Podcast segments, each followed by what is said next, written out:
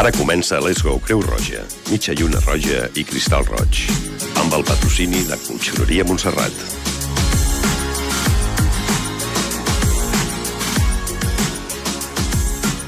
...21 hores 3 minutos, una setmana més. Bona nit, Rosa Maria Pastor. Hola, bona nit. Bona nit, Marc Fort al control i un servidor Joan Garcia. Parlarem a l'hora de Creu Roja i parlarem de moltes coses, com sempre, les, els nostres titulars, que avui eh, revisarem i repassarem, sobretot el tema de l'impacte de la inflació, una notícia que està molt, molt, molt a primera línia i que parlarem. També parlarem de la reduflació, que és eh, una conseqüència de la inflació, mm, per dir-ho d'alguna manera, de com les empreses comencen a detectar la inflació perquè baixar una mica els preus, no? O sigui, aquesta pujada intensa dels preus, que és el, el significat bàsic de la inflació, doncs està mm, d'alguna manera també tractat com una conseqüència davant del món de l'empresa per la reduflació. Recomendaciones para fomentar una movilidad sostenible, ¿eh? para gastar menos dinero en los transportes y cómo hacerlo de forma más coherente, más racional y más económica. Razones por las que debes entrenar tu cuello. Hablamos hace algunas semanas de la necesidad de que cada día al menos 30 minutos de ejercicio era conveniente para la salud, era conveniente también para las articulaciones y era conveniente en líneas generales para todo. Bien, pues hoy eh, hablaremos de la conveniencia de entrenar el cuello, porque resulta que el cuello no solamente soporta el peso de la cabeza, ni el peso de las ideas, soporta algo más. Y además tiene una serie de músculos, flexores, tensores, etcétera, etcétera, que trasladan al resto del cuerpo, eh, mm, bueno, pues eso, la salud, el sentirse bien, el estar bien, y hablaremos precisamente de la, de la conveniencia de entrenar el cuello. La flora intestinal, también llamada microbiota, estará presente hoy con la presencia de dos doctores, doctor María Alonso Puig y la doctora Marían Rojas Estapé. Y finalmente una entrevista con Ferran Pastor, que es un uh, escritor de cuentos populares y que nos contará eso, sus cuentos. Las 21 horas 6 minutos sin más preámbulos, vamos con nuestros buenos consejos de primeros auxilios en la empresa y retomaremos esos titulares para poco a poco ir desgranándolos a lo largo del programa. No t'imagines com de valuós pot ser un gest a la teva empresa. Un somriure que motiva, un senyal d'aprovació que orienta, una compressió al pit que ajuda a recuperar una parada cardiorrespiratòria. Ensenya al teu equip els gestos més valuosos. Informa't i contracta els cursos de primers auxilis per a empreses a Crut Roja Punès o al 902 22 22 92. Aprèn a salvar vides. Últimamente todos estamos escuchando constantemente la palabra inflación, pero esa palabra no es el título de una historieta, ni es... Eh, la palabra que esté de moda mm, por sí, sino que nos está tocando vivir lo que ella conlleva. Tenemos inflación. ¿Qué se entiende por inflación? La inflación es un proceso económico provocado por el desequilibrio existente entre la producción y la demanda. Este proceso causa una subida continuada de precios de la mayor parte de los productos y servicios y, en consecuencia, una pérdida del valor del dinero para poder adquirirlos o hacer uso de ellos. Si nos preguntamos cuáles son las causas de la inflación, a grandes rasgos podemos decir que en gran medida han influenciado en la inflación el petróleo o su precio, el gas o su precio y la electricidad, porque se han encarecido no solamente en un país, sino en todo el mundo. Algunas de las causas del encarecimiento proceden de factores naturales. Por ejemplo, en el caso de la electricidad, menor viento, molinos parados, menos generación eléctrica eólica, sequías, falta de agua en las presas que redujeron la producción de energía eléctrica eh, hidráulica. Y asimismo, con respecto al gas y al petróleo, con las bajas temperaturas del invierno pasado y el aumento de la demanda que había estado contenida durante la pandemia, el consumo de estos combustibles aumentó notablemente y esto dio lugar a un incremento de los precios. A todo esto añadiremos que los precios del petróleo se han disparado a causa de la invasión de Ucrania por parte de Rusia. Como la mayor parte de la actividad productiva depende del combustible, la gasolina, el gas, etc., este hecho ha provocado que el precio de los productos que consumamos o que consumimos haya subido considerablemente. ¿Cómo afecta la inflación al consumidor? Es evidente que la inflación se refleja directamente en los bolsillos de los consumidores. Todos estamos sometidos a sus efectos. Con la misma cantidad de dinero podemos comprar mucho menos productos. Si los salarios o las pensiones no suben en la misma proporción que sube el IPC, es decir, el índice de precios al consumo, se pierde de manera significativa el poder adquisitivo. También disminuye el ahorro, ya que los consumidores deben dedicar más dinero que antes a la adquisición de productos y, por lo tanto, el ahorro se ve afectado. Si tuviésemos que abordar pequeños consejos con, que ofrecer para controlar el gasto, deberíamos de seccionarlos por partes. Por ejemplo, con respecto a la cesta de la compra. Pues elige dónde comprar y valorar la diferencia de precios. La misma cesta de la compra puede ser mucho más económica de un lugar a otro. Planifica lo que vas a comprar antes de salir de casa. Haz una lista de la compra con lo que verdaderamente necesitas. De esta manera evitarás comprar de manera impulsiva. Si la calidad de un producto de marca blanca no difiere de tus gustos, opta por las marcas blancas. Son más económicas. En la compra de productos frescos suele ser más conveniente adquirir los productos de temporada porque suelen tener mejor precio. Compara siempre los precios por kilo o unidad. En los productos envasados, fíjate siempre en el peso. Hay productos que parece que son más baratos, pero en realidad lo que ocurre es que hay menos cantidad. De esto hablaremos en la próxima noticia. Pero sigamos con los consejos. Intenta aprovechar las ofertas, pero vigila con los trucos de marketing que a veces te llevan a comprar más de lo que necesitas. Un pequeño truco para que lo tengas en cuenta, los productos que al supermercado le interesa que compres están a la altura de la vista. Los más baratos suelen estar en la parte más baja o en la parte más alta. El pagar con dinero en efectivo te sirve de control, porque no gastas más dinero del que llevas encima. Pero normalmente hoy en día pagamos con tarjeta. Vete controlando lo que vas gastando para no llevarte sustos a la hora de pagar, sobre todo si pagas a crédito en lugar de a débito, ya que al final de mes te puedes llevar la gran sorpresa y te aseguro que los bancos no perdonan.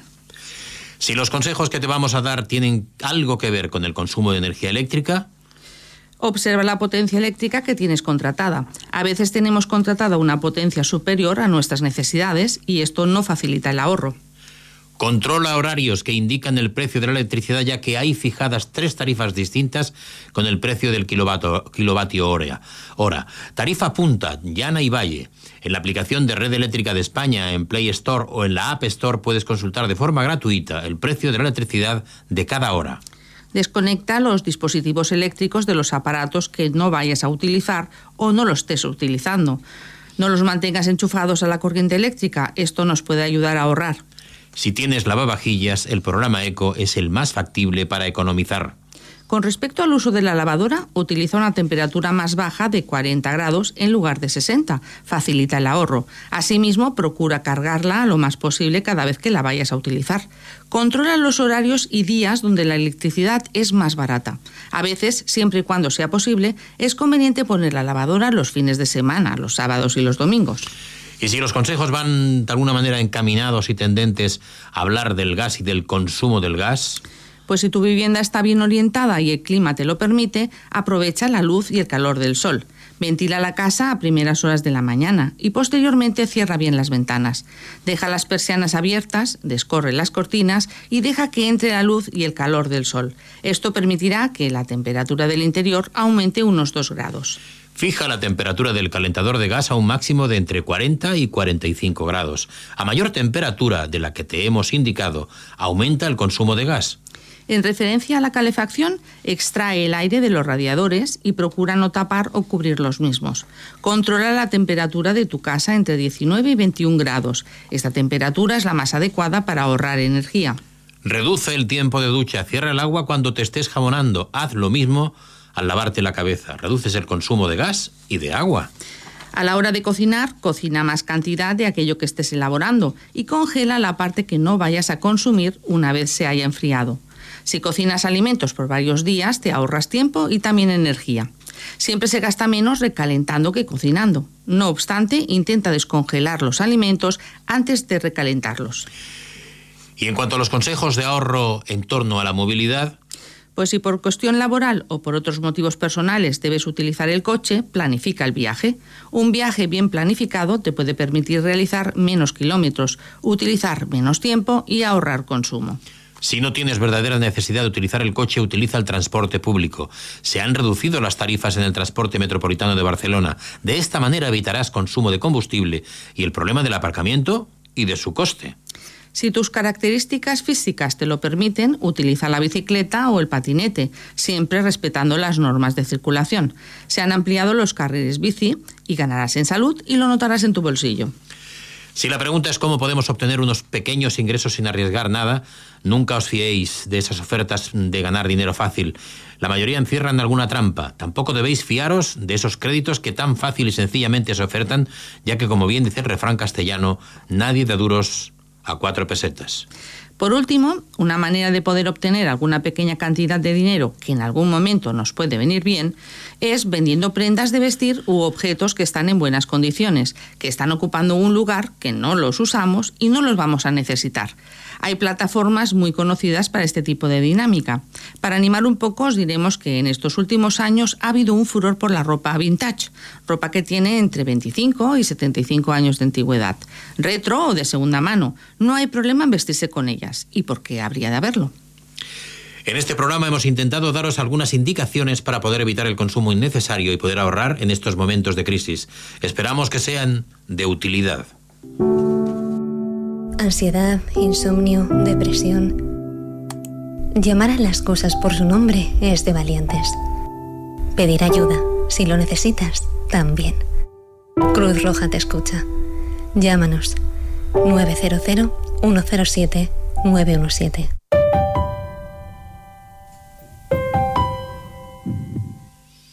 Hablamos de la inflación y ahora toca hablar de la reduflación. Y todo el mundo dirá, ¿y esto qué es? ¿Eh? Pues es simplemente cómo las empresas dan menos producto por el mismo precio.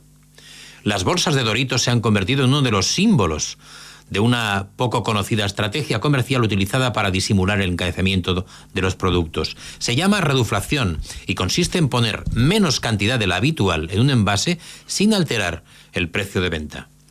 En el caso de Doritos, cinco nachos menos en cada paquete. Este cambio suele pasar desapercibido para, por la gran mayoría de los consumidores, que no están tan pendientes de si un paquete de galletas tiene 25 gramos menos, pero sí suelen darse cuenta de si pagan más por él al pasar por caja. Se trata de una táctica legal, siempre y cuando las empresas reflejen la nueva cantidad en los envases y suele emplearse en épocas de crisis económica o en tiempos inflacionistas como los actuales. La escalada de precios está siendo generalizada. El IPC se disparó hasta el 10,7 a 31 de octubre en España, el mayor registro desde 1985, y también sube en la zona euro y Estados Unidos. Y las empresas toman medidas para tratar de mantener los márgenes sin encarecer los productos para no perder clientes. Una opción posible para bajar costes, que se ha multiplicado por la energía, es reformular el producto con ingredientes más baratos. Pero en principio es más fácil reducir la cantidad como en el caso de Doritos, como admitió la empresa al medio digital Quartz. Unilever también ha reconocido que tiene en cuenta este tipo de estrategia. Las botellas de gel Dove han pasado de 24 a 22 onzas en Estados Unidos y el gigante General Mills, los chitos, adopta cuando lo cree necesario medidas similares. En España, la Organización de Consumidores y Usuarios, la OCU, ha detectado varios casos. Un 7% de los 238 productos analizados en octubre para los controles de precios que realiza periódicamente han reducido su tamaño. La táctica ha sido empleada por Pescanova en los lomos de merluza, Danone 5 gramos menos en un yogur, Gallo, Colacao y Tulipán, y recientemente hemos visto también un par de casos en Revilla y Campofrío, explica el portavoz de la OCU, Enrique García. Son pequeñas diferencias de tamaño cuenta como poner 10 gramos menos de chorizo en el envase y seguir vendiéndolo a un euro. En el caso de Pescanova, la OCU afirma en su estudio, podría parecer que el premio medio del paquete de lomos de merluza ha bajado un 7,1% respecto al año 2020. Pero si se tiene en cuenta la reducción de peso, que ha sido del 10%, en realidad ha subido un 3,2%. Fuentes del grupo pesquero afirman que el cambio en el tamaño no tiene nada que ver con la inflación, ya que el producto de 360 gramos salió a la venta en septiembre del 2020, cuando el IPC estaba en niveles bajos y se dejó de vender el de 400 gramos en los supermercados. La empresa añade que adapta sus formatos a sus consumidores y que en enero, por ejemplo, sacó a la venta varias referencias con descuento. Cambiar el tamaño de los productos, táctica en inglés llamada screenflating, una combinación de las palabras reducir e inflación es legal. Al formar parte de su estrategia interna, muchas empresas se reservan dar detalle sobre su política de precios. En ocasiones, estos cambios en los envasados o las cantidades que argumentan diciendo que se reducen los tamaños para eliminar calorías o que responden a una decisión comercial por las modificaciones en los hábitos de consumo en la demanda del cliente. Lo cierto es que es difícil entre los millones de marcas que hay en el mercado saber hasta qué punto se recurre a estas prácticas. La inercia y la rapidez tienen un, peso importante a la hora de hacer la compra. El 70% de las decisiones se toman en dos segundos. Y aunque los usuarios son más sensibles a las variaciones de precio, no suelen estar al tanto de lo que pesan los productos envasados que compran. En el caso de un litro de leche o dos litros de refresco, la cantidad está más clara pero en otros productos empaquetados como una bolsa de macarrones o una chocolatina, lleva la cuenta de los gramos no suele ser lo habitual. Hay productos en los que es más difícil darse cuenta. Por ejemplo, si me fijo en un envase de humos de 220 gramos, en realidad no sé si hace una semana tenía 240. Lo mismo pasa con una chocolatina. Si es un poco más corta que antes, explica Juan Carlos Martínez Lázaro, profesor de Economía de IE University, reducir la cantidad puede ser una estrategia defensiva ante el aumento de costes, añade el experto. ¿Puede tratarse en algún caso de una práctica engañosa? Fuentes del Ministerio de Consumo indican que la vigilancia para detectar si se producen irregularidades en el sector depende en España de las comunidades autónomas y que no les ha llegado ninguna denuncia al respecto. Por otra parte, el efecto en el cálculo de IPC no tiene que verse afectado por esta alteración de los tamaños, dado que el Instituto Nacional de Estadística tiene en cuenta el precio por cantidad para calcular el índice. La reduflación no es nueva y a veces no solo se refiere a cantidades concretas de un envase, sino también a servicios que se prestan o al tamaño de las raciones. En muchas ocasiones las empresas llevan a cabo este tipo de procesos para poder mantener su margen de beneficios o al menos para no disminuirlos.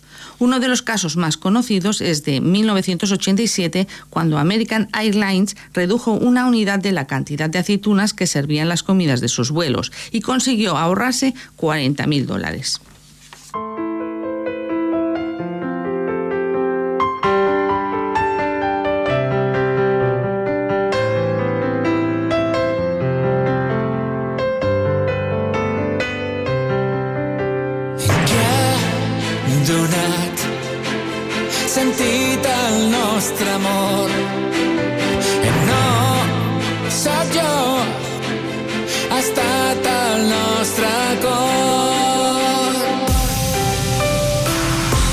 El cel no comprèn el nostre amor i mai ens concedirà el perdó. Ja no m'importa el que diran. No dono el que tinc per res del món. Si sóc diferent, així sóc jo. Em basta només ser part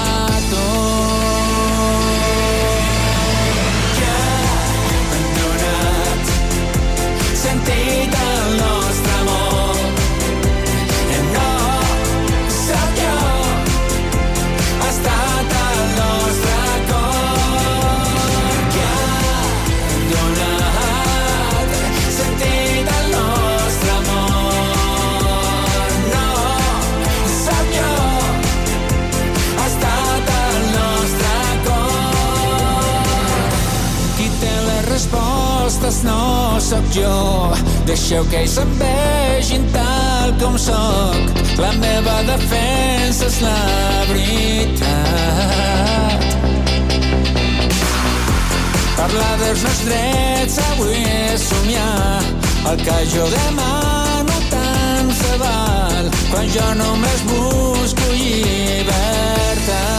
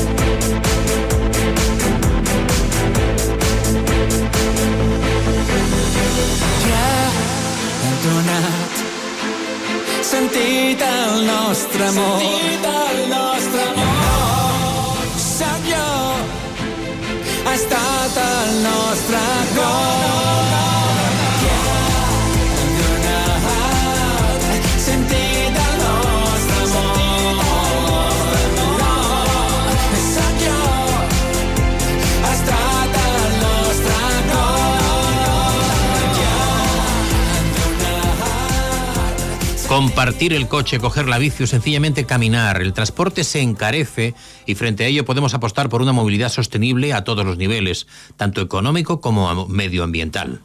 A estas alturas ya sabemos que todo lo que hacemos en nuestro día a día genera un impacto en el medio ambiente. Eso incluye, por supuesto, la forma en que nos movemos. Y es que los desplazamientos diarios en las grandes ciudades, un gesto tan cotidiano como conducir hasta el trabajo, contamina y por tanto perjudica nuestro planeta. Ante ello surge el concepto movilidad sostenible, que recoge algunas prácticas que pretenden combatir esta situación. La movilidad sostenible mejora la calidad de vida y la salud de las personas en entornos urbanos, abraza un modelo de transporte más eficiente y accesible e incluso contribuye a una más óptima seguridad vial en las ciudades. No solo eso, la subida de los combustibles en este difícil contexto mundial que estamos viviendo también repercute directamente en la gasolina del coche y nos empuja, todavía más, a desplazarnos de forma más sostenible y respetuosa. Veamos cómo. Utiliza el transporte público, autobús, metro, tren, son opciones más que válidas para moverse en entornos urbanos. En muchas ocasiones, además, son alternativas más rápidas que el coche debido a la congestión o tráfico que se forman en algunas vías. Usa la bicicleta, cada vez existen más carriles bici en las distintas ciudades, algo que hace que podamos utilizar todavía más la bicicleta sin ningún tipo de problema.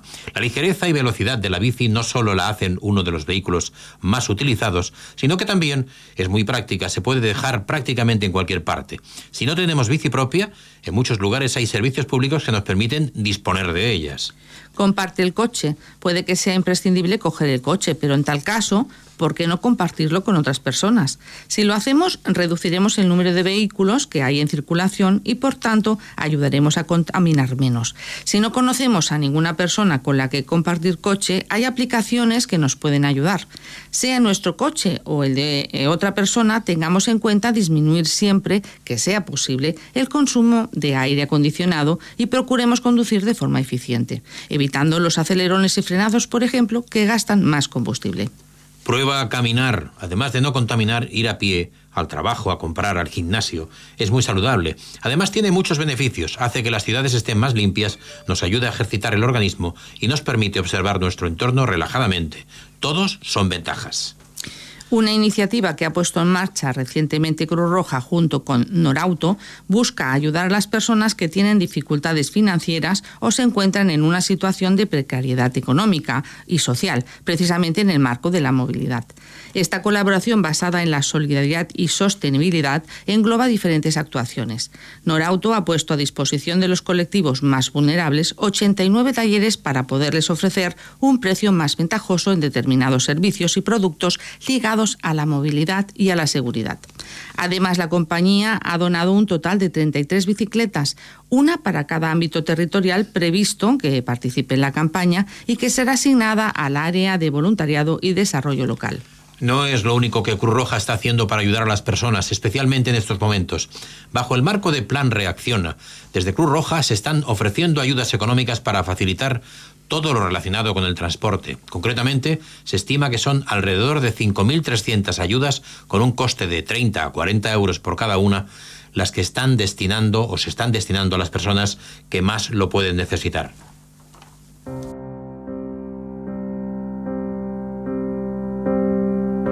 Espero aquí mentre un aquí.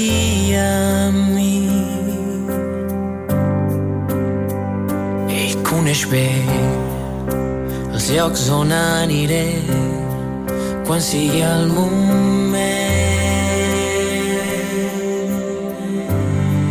I ell des del seu món ha vingut aquí per poder estar amb mi. I ara des d'aquí al meu llit records que em van passant. I veig l'amor que va morir. L'amor dels àngels ve amb mi. És una sort que em protegeixi sempre sense jutjar els meus actes. Hagi errat o no i sota el vel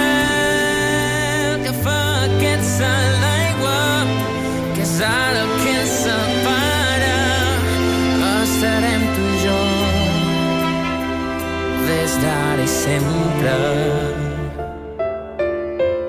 L'amor dels àngels ve amb mi. Ja s'acosta el fi el dolor se'n va veig el camí. Mm.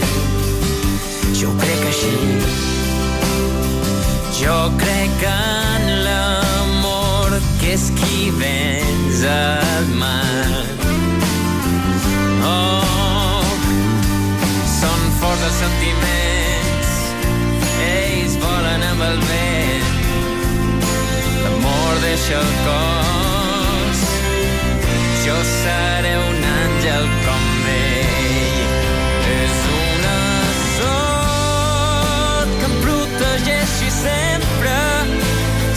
Jutjar els meus actes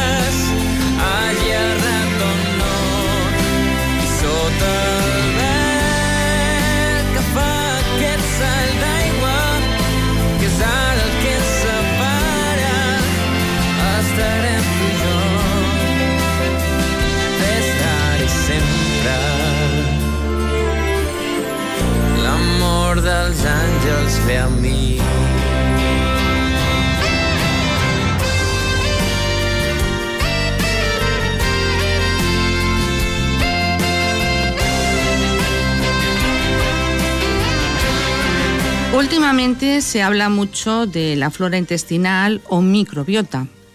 Se le llama así al conjunto de bacterias que viven en el intestino. Una microbiota equilibrada facilita la digestión de alimentos, su transformación en energía y la eliminación de los excesos. Una microbiota sana nos protege frente a bacterias, virus o enfermedades, por lo tanto refuerza el sistema inmunitario, asegura el correcto funcionamiento de nuestro sistema digestivo y colabora en la producción de vitaminas y la correcta absorción de minerales. Por eso la dieta es fundamental para nuestra microbiota. Comer alimentos con bajo aporte energético, rico en fibras y vegetales, garantiza el mantenimiento de la diversidad y el buen funcionamiento. Hoy tenemos con nosotros eh, dos doctores que nos van a hablar de la microbiota. El doctor Mario Alonso Puig nos habla de ella, de la microbiota, y nos explica el por qué es tan importante llevar una dieta rica en fibra y baja en azúcares. Yo creo que 9 de cada 10 personas no sabemos lo que es la microbiota. Como experta en el aparato digestivo, ¿qué es y cómo funciona? Estamos hablando de un organismo vivo que sería como un órgano más en el cuerpo, que está recibiendo información del exterior, que está enviando información al cerebro, que está enviando información a todo el organismo y que está determinando de una manera muy potente nuestra manera de pensar, nuestra manera de percibir la realidad, la manera en la que las células se comunican entre sí. Por ejemplo, ¿cuántas células crees que tenemos? Millones. Aproximadamente 60 trillones. 60 millones de millones de millones. ¿Cuántas bacterias crees que tenemos en el intestino? ¿Trillones también? 10 veces más. 100 veces más de genes que los que tienen las células. La microbiota es uno de los grandes descubrimientos que se ha hecho y está en conexión con el segundo cerebro, del que llevo hablando muchos años. El segundo cerebro es el tubo digestivo, el cerebro entérico, una serie de neuronas que mantienen una conexión con el sistema inmune. Por ejemplo, ¿cuál crees tú, Marina, que es la parte del cuerpo que tiene mayor superficie expuesta al exterior? ¿Verdad que te parecería que es la piel? Sí. Pues, Lo, lo lógico, ¿no? Sí. La piel mide aproximadamente dos metros cuadrados. ¿Cuánto crees tú que mide el intestino? El intestino delgado, el intestino grueso, si lo abres. Dos ¿Cuatro? canchas de tenis. Por Dios. Dos canchas de tenis. Por tanto, la parte del organismo que está más expuesta al exterior es el intestino, Bueno. es el tubo digestivo.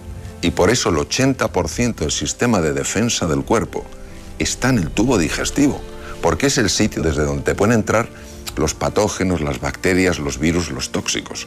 Entonces, ¿qué ocurre? Que el tubo digestivo, el segundo cerebro, en conexión muy íntima con la, eh, con la microbiota, lo que está haciendo es regular una cantidad de procesos en el organismo que afectan a la salud y afectan a la enfermedad. Por ejemplo, hemos oído hablar de enfermedades como eh, artritis reumatoide, lupus eritematoso diseminado, enfermedades como el Alzheimer, eh, enfermedades de muchos tipos. Pues se sabe que pueden tener un origen común. Lo que pasa es que luego cada una evoluciona de manera y el origen puede estar en el tubo digestivo. O sea, entiendo que cuidando nuestra alimentación mejoramos la microbiota y por consiguiente podemos evitar futuras enfermedades. una mala adaptación de esa flora, unos problemas en la interconexión entre la microbiota, el tubo digestivo, el cerebro, el sistema cardiovascular, pueden estar en el origen de una enfermedad. Cuadros como la ansiedad o la depresión que asolan a tantísimas personas en el mundo pueden tener parte de su origen en una pobre nutrición. ¿Por qué? Porque la nutrición está afectando directamente a la microbiota. Tú por ejemplo, de películas como La Guerra de las Galaxias, donde están las fuerzas del bien y las fuerzas del mal. Pues eh, también en la microbiota están los bacteroidetes, que son las fuerzas del bien, y los firmicutes, que son las fuerzas del mal. Y dices tú, pues, ¿por qué están las fuerzas del mal? Porque hacen algunas cosas que no están mal del todo. Entonces, cuando la población de los firmicutes, de las, de las bacterias que son fundamentalmente mm, dañinas, aumenta, la de los bacteroidetes disminuye. Las fuerzas oscuras van ganando, las fuerzas de la luz se van reduciendo. Y esto produce, por ejemplo, una alteración en lo que se llama las uniones densas en el intestino y empiezan a entrar productos tóxicos que generan lo que se llama la inflamación crónica de bajo grado, que está detrás de la mayor parte de las enfermedades. Cuando una persona toma una dieta rica en fibra y pobre en azúcar, entonces ¿qué ocurre? Que las fuerzas eh, luminosas, eh, en la metáfora de la guerra de las galaxias, las, las fuerzas del bien, los, los bacteroidetes empiezan a aumentar en su población. Los firmicutes bajan. Y entonces, ¿qué ocurre? Que esa inflamación crónica baja, baja la inflamación del cerebro, se reducen cuadros como la ansiedad o la depresión. Entonces, a ver si lo estoy entendiendo bien. Hay enfermedades mentales que tienen su origen en el tubo digestivo y pueden mejorar atacando directamente a este, ¿no? Lo bonito es ver que todo está conectado. Es decir, que nosotros tendemos a, separar las cosas y, a estudiarlas como si fueran partes de un reloj totalmente independientes y lo que vemos es que está conectado. El pensamiento afecta a los sentimientos, los sentimientos a los procesos hormonales que tienen lugar. Y en lugar de pensar que todo depende del cerebro intracraneal, hoy sabemos que el tubo digestivo, con esa interconexión tan importante que tiene con la microbiota, se convierte en un nodo de información de extraordinario, de extraordinario valor. Qué importante para los niños que tengan algún problema neuronal, que las madres sepamos lo que es la microbiota. Sí, y de hecho, por ejemplo, cambios en la nutrición se ha visto que tienen un impacto muy positivo en el autismo en muchos, en muchos otros procesos, porque todo está conectado. O sea, tenemos esta tendencia a ver solo partes y no a ver el todo. Cuando Steve Jobs dio su discurso tan extraordinario en el 2005 en la Universidad de Stanford, él hablaba de connecting the dots, de conectar los puntos, de que tenemos una tendencia a ver las cosas separadas y que hay belleza, hay verdad en encontrar la unidad entre las cosas. ¿Quién hubiera imaginado que las bacterias se están comunicando directamente con el cerebro a través de una serie de procesos químicos? ¿Quién diría que eh, eh, las fibras del sistema nervioso vegetativo compuesto por el simpático y el parasimpático están mandando información a las bacterias? Es decir, es, una cosa verdaderamente eh, extraordinaria que te genera asombro y un sobrecogimiento espectacular porque te das cuenta que, que es un campo infinito. Y Mario, ¿por qué empezamos ahora a interesarnos más por todo lo relacionado con la microbiota? Hace muchísimos años nadie hablaba de esto, se consideraba que el tubo digestivo solo servía para absorber los alimentos, que ya está bien. Pero hoy en día ya se sabe que hay mucho más que eso, que es una red de comunicación que está formando parte de ese proceso extraordinario que es la mente, que la mente no es simplemente información que sucede en el cerebro, que la mente es una red de información que conecta todo, que conecta el cerebro, conecta el corazón, conecta el tubo digestivo y que de hecho nos conecta con el exterior.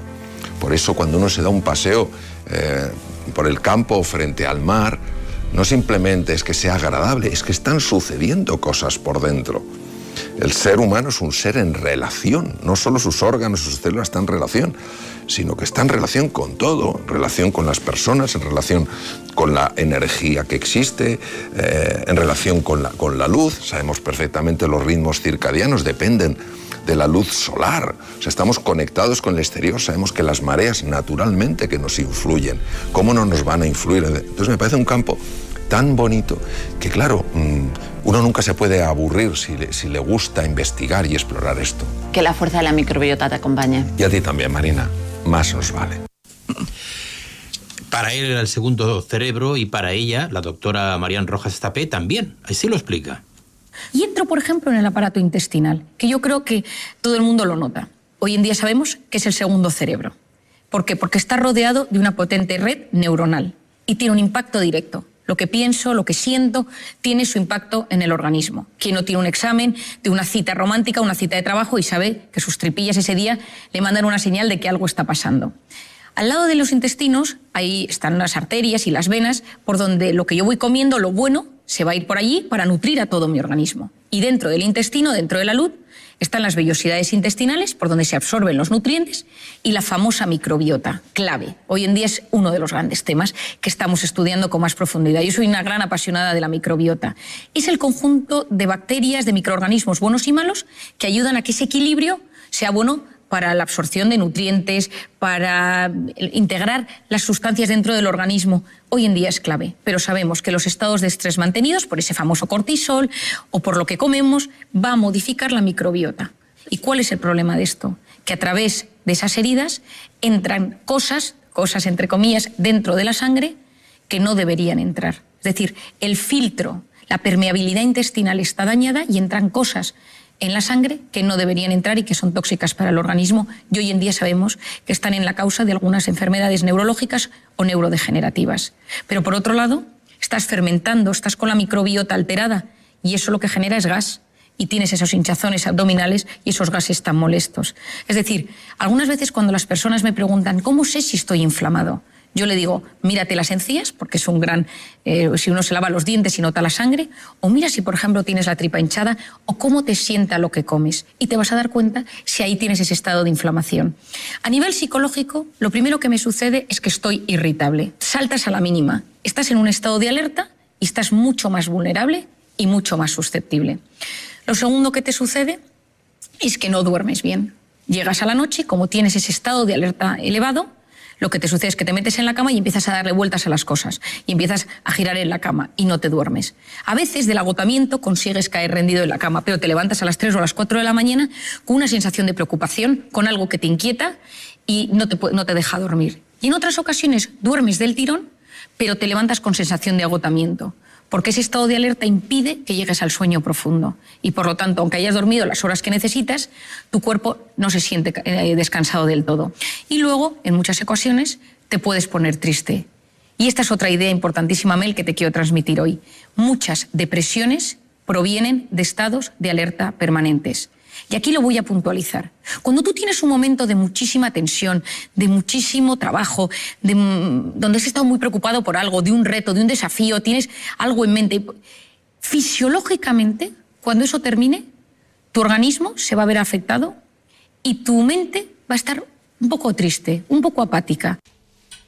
Abuela,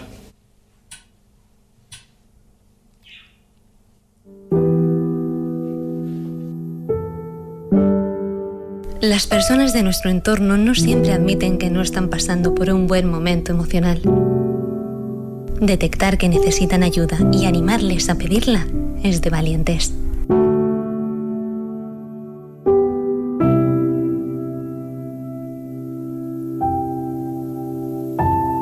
Llámanos 900 107 917.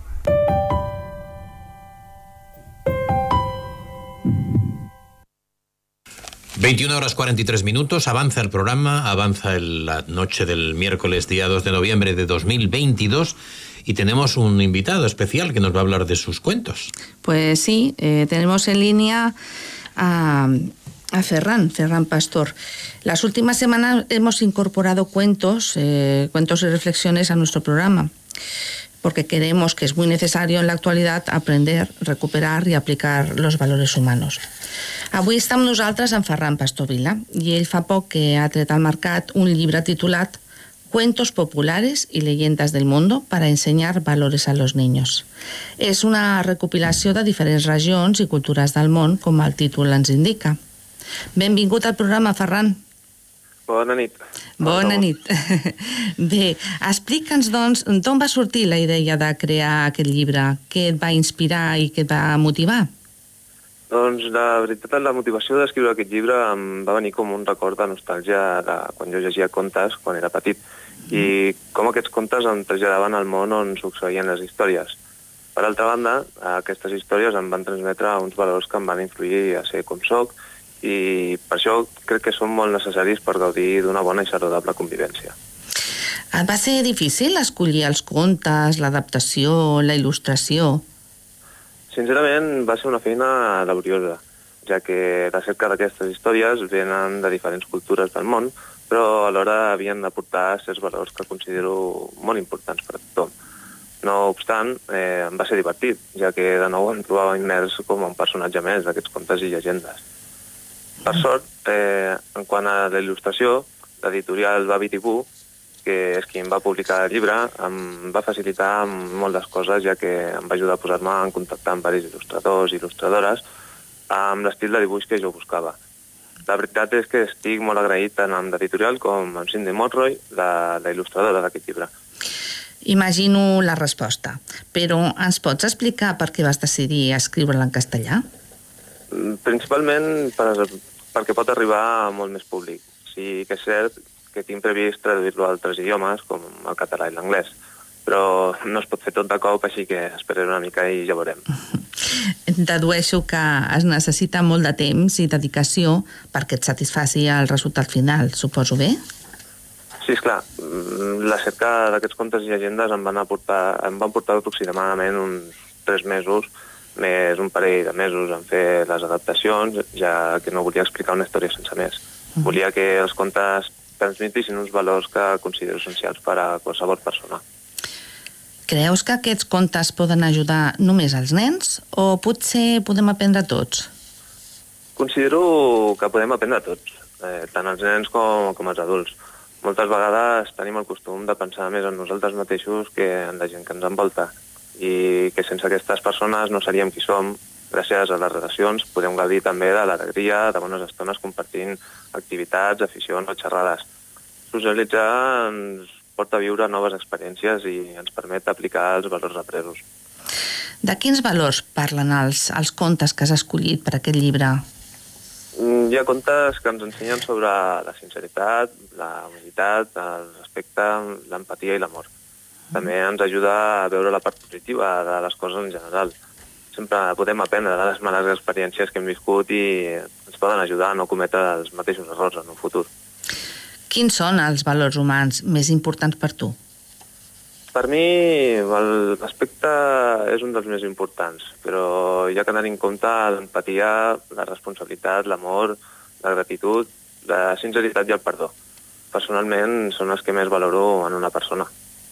Quins són els valors que creus que, que deuen ser els primers que haurien d'aprendre, diguem, als nens?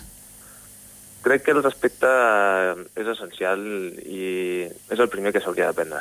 Seguit de l'empatia, la responsabilitat i la sinceritat. De fet, tots són molt importants, però la resta venen per consonància dels primers, com són l'amor, la gratitud, el perdó, etc. Uh -huh. Eh, ens has dit que per tu el respecte és el valor més important. Creus que també és el primer valor que s'hauria de millorar amb aquesta societat? Potser sembla repetitiu, però el meu parer és que avui dia s'ha perdut força el respecte.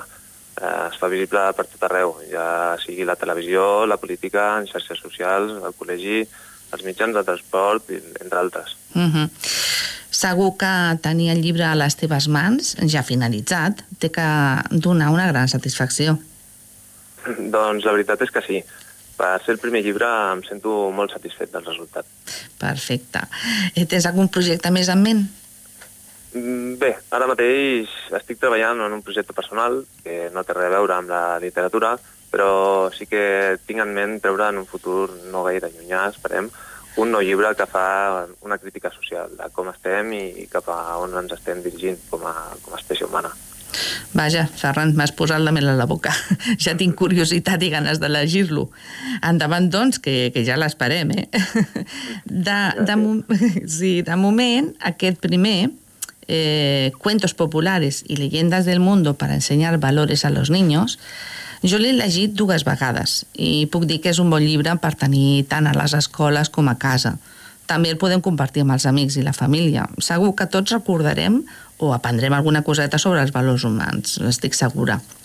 Eh, també tenim previst que a partir de la propera setmana compartirem el temps, els teus contes aquí a la nostra emissora, si et sembla bé. Sí, sí. Espero que, que arribin a molta gent. Moltes gràcies, Ferran, per haver estat amb nosaltres, per la teva dedicació, gràcies per ajudar a expandir els valors humans. Et desitgem un gran èxit i ja esperem el pròxim. Molta sort i moltes gràcies. Moltes gràcies a vosaltres per, per aquesta oportunitat i espero que gaudiu del llibre tant com, com jo l'he gaudit durant tot el procés d'edició. Perfecte, segur que sí. Moltes gràcies, Ferran. Bona nit. Bona nit. Bona nit.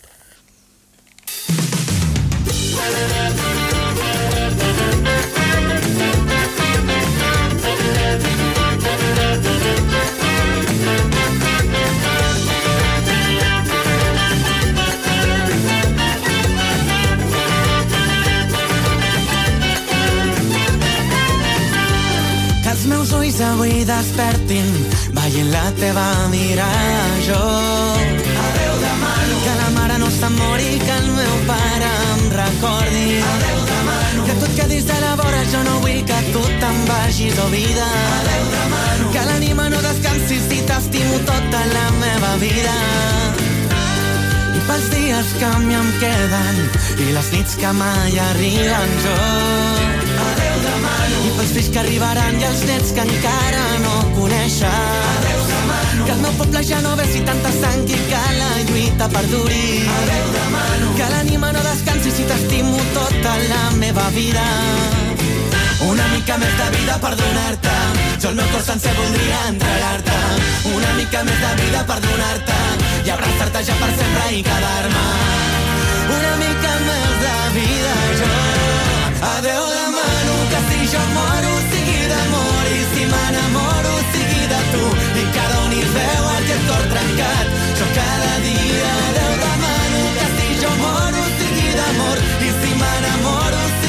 tu i que donis veu a aquest cor trencat. Jo cada dia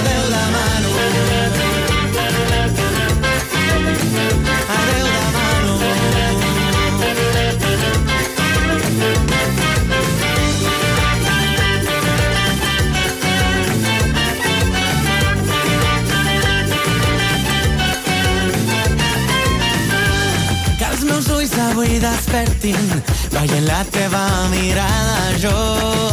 Adéu demano. Que la mare no se'n mori que el meu pare em recordi. Adéu demano. Que tot quedi a la vora jo no vull que tu te'n vagis oh vida. Adéu demano. Que l'ànima no descansi si t'estimo tota la meva vida una mica més de vida per donar-te. Jo el cor sencer voldria entregar-te. Una mica més de vida per donar-te. I abraçar-te ja per sempre i cada mà. Una mica més de vida jo. Adéu demano que si jo moro sigui d'amor. I si m'enamoro sigui de tu. I cada un hi veu aquest cor trencat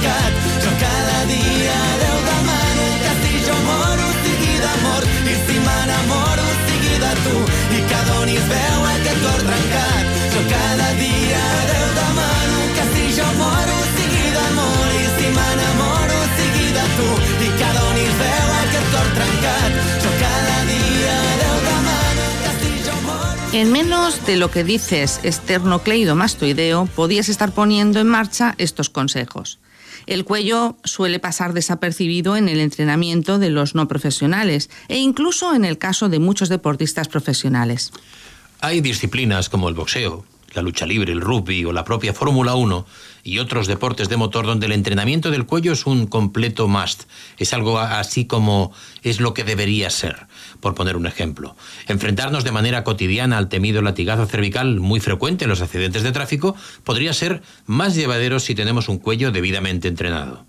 Más allá del caso extremo de llevarnos un gancho de tisón o de una indeseada colisión, tener un cuello fuerte no es solo una forma de protegernos de impactos, o si nos ponemos algo presuntuosos, de lucir mejor. Una musculatura cervical poderosa también repercute positivamente en el resto del equilibrio físico, principalmente en el que la espalda provee, beneficiando así a músculos como los trapecios o los deltoides. Topamos así con una parte de nuestro cuerpo que es eminentemente músculo, pero apenas trabajado. De hecho, el cuello es un indicador natural del sobrepeso o la obesidad, tanto en su parte frontal como en su parte posterior. Una piel más flácida y una menor tersura delatan así un cuello poco trabajado. Además, una circunferencia excesiva del cuello también incluso tiene cierta relación con un incremento de los riesgos cardiovasculares, problemas tradicionalmente asociados al exceso de peso, como sostienen algunos estudios. Fomentar el ejercicio físico a cualquier nivel fortalecerá nuestra musculatura haciéndola más resistente y potente. El cuello no es una excepción e incluso puede venir muy bien a personas que tengan trabajos eminentemente sedentarios. Pensemos en el trabajo de oficina y en largas jornadas delante de un ordenador con la cabeza rígida o en cierta tensión.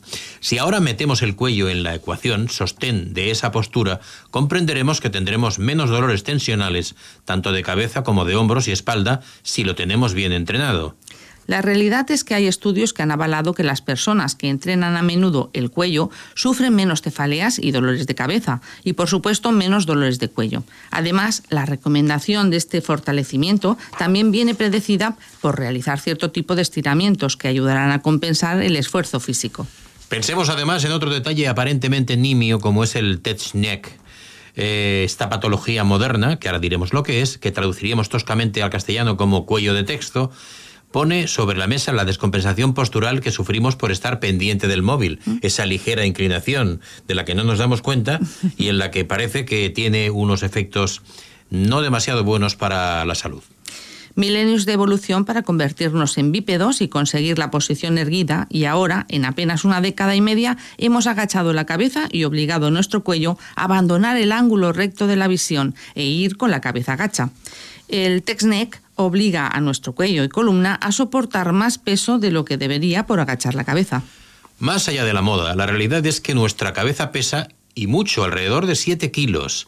Este es el motivo por el que la columna vertebral, a pesar de su flexibilidad, no esté preparada para que la forcemos con esa tensión que la cabeza agachada supone. Lógicamente, es el cuello el primero implicado en ese mal gesto que nos hace mirar hacia abajo en ese ángulo de 45 grados. Potenciar así la musculatura cervical será entonces una buena idea para que, si caemos en la tentación de mirar el teléfono a todas horas, no nos resistamos tanto en ese dolor que puede venir muy asociado a los dolores de cabeza y cefalagias anteriormente mencionadas. Del mismo modo, un cuello fuerte también minimizará el impacto de las malas noches de descanso, otra causa frecuente de dolores musculares, e incluso repercutirá a personas que padecen bruxismo, una afectación que va más allá de la mandíbula y que también se manifiesta en el cuello. Y no sé qué pensar.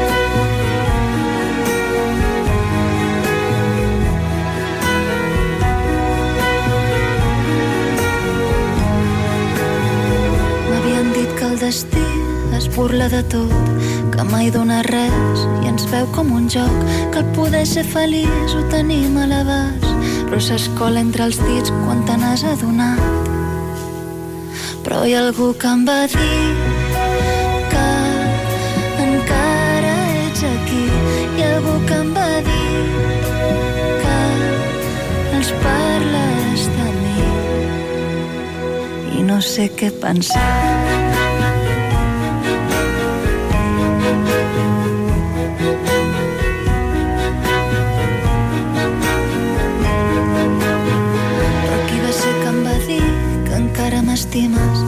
Puc recordar, acabava la nit. El seu rostre és confús, sento encara la veu i t'estime secret, no diguis mai que t'ho he dit. Però hi ha algú que em va dir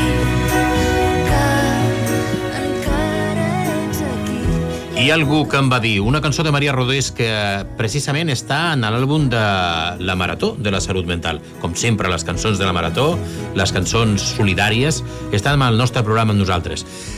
Us hem de dir una cosa, la setmana que ve tindrem una, d'alguna manera una participació especial, perquè tindrem la nostra companya Olga Giorgi, que ens, setmana tras setmana, semana tras semana, nos irá diciendo lo que es, eh, o, o pretendiendo el, el, el, darnos una adivinanza, ofrecernos una adivinanza y que los oyentes la acierten. Si aciertan el resultado de la adivinanza, habrá premios.